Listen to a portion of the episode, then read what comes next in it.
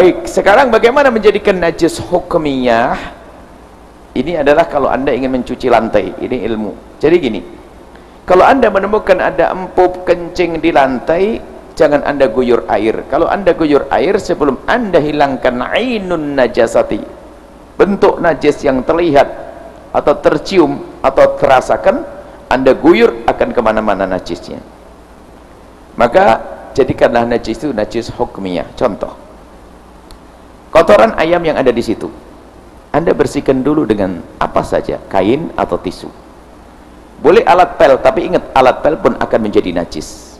Karena alat pel yang basah bertemu dengan najis maka menjadi bah basah. Tapi basahnya hanya di alat pel tidak ke mana-mana.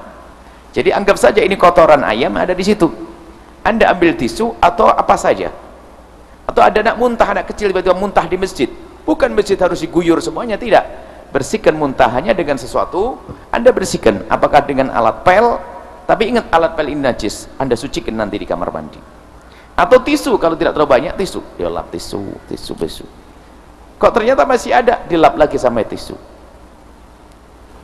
Kalau tisu basah memindah najis. Tisu basah nggak apa-apa untuk membersihkan biar tuntas. Atau tisunya dibasahin biar kering-keringnya kotoran ayam itu bisa keangkat. Terus tapi ingat najis atau tidak ini?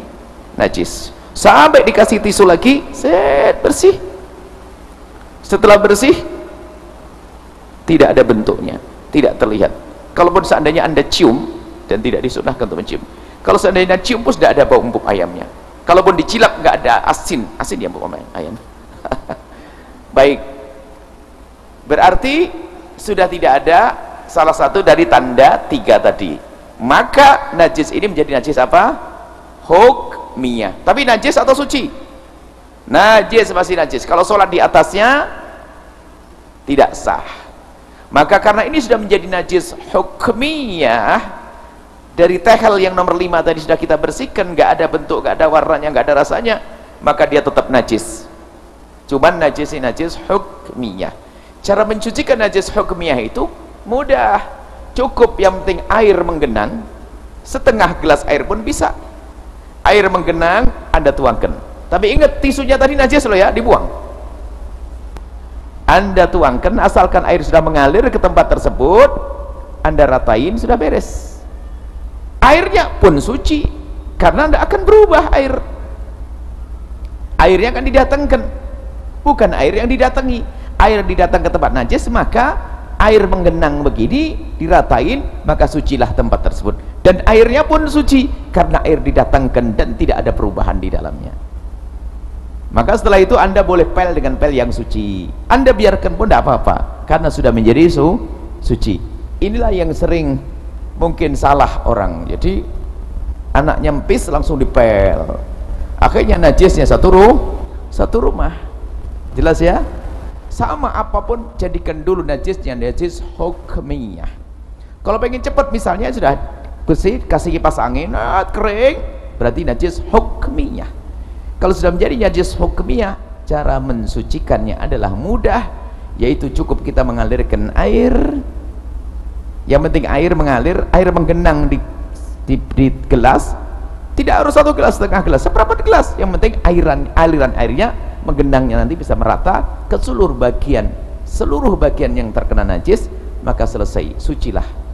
Tapi kalau ainun najasahnya belum dibuang masih ada warna atau apa anda kasih segelas. Ada empuk ayam yang mengering di sini anda kasih tet tak tanya keruh menjadi remang-remang kayak apa keruh maka najis semuanya. Habis itu gini anda anda keruh hidung najis semuanya. Ah maka hati-hati urusan najis sebetulnya mudah dan juga rapi. Mudah. Sama kalau baju anda terkena najis di sini tidak harus dicuci semuanya. Mungkin ada yang terkena najis ah kena kencing anaknya di sini. Cuci saja bagian yang di sini. Selesai. Dikira-kira oke okay, ini sini. Langsung diambil dicuci. Ambil keran beres jadi cuci najis di sini, di sini tidak najis. Anda tidak usah was-was. Yang kena najis bagian mana? Ya itu saja kena najis. Yang bisa, yang perlu disu, disucikan baik itu saja mungkin karena kita akan menghadirkan masalah kisah maulid Nabi sallallahu alaihi wasallam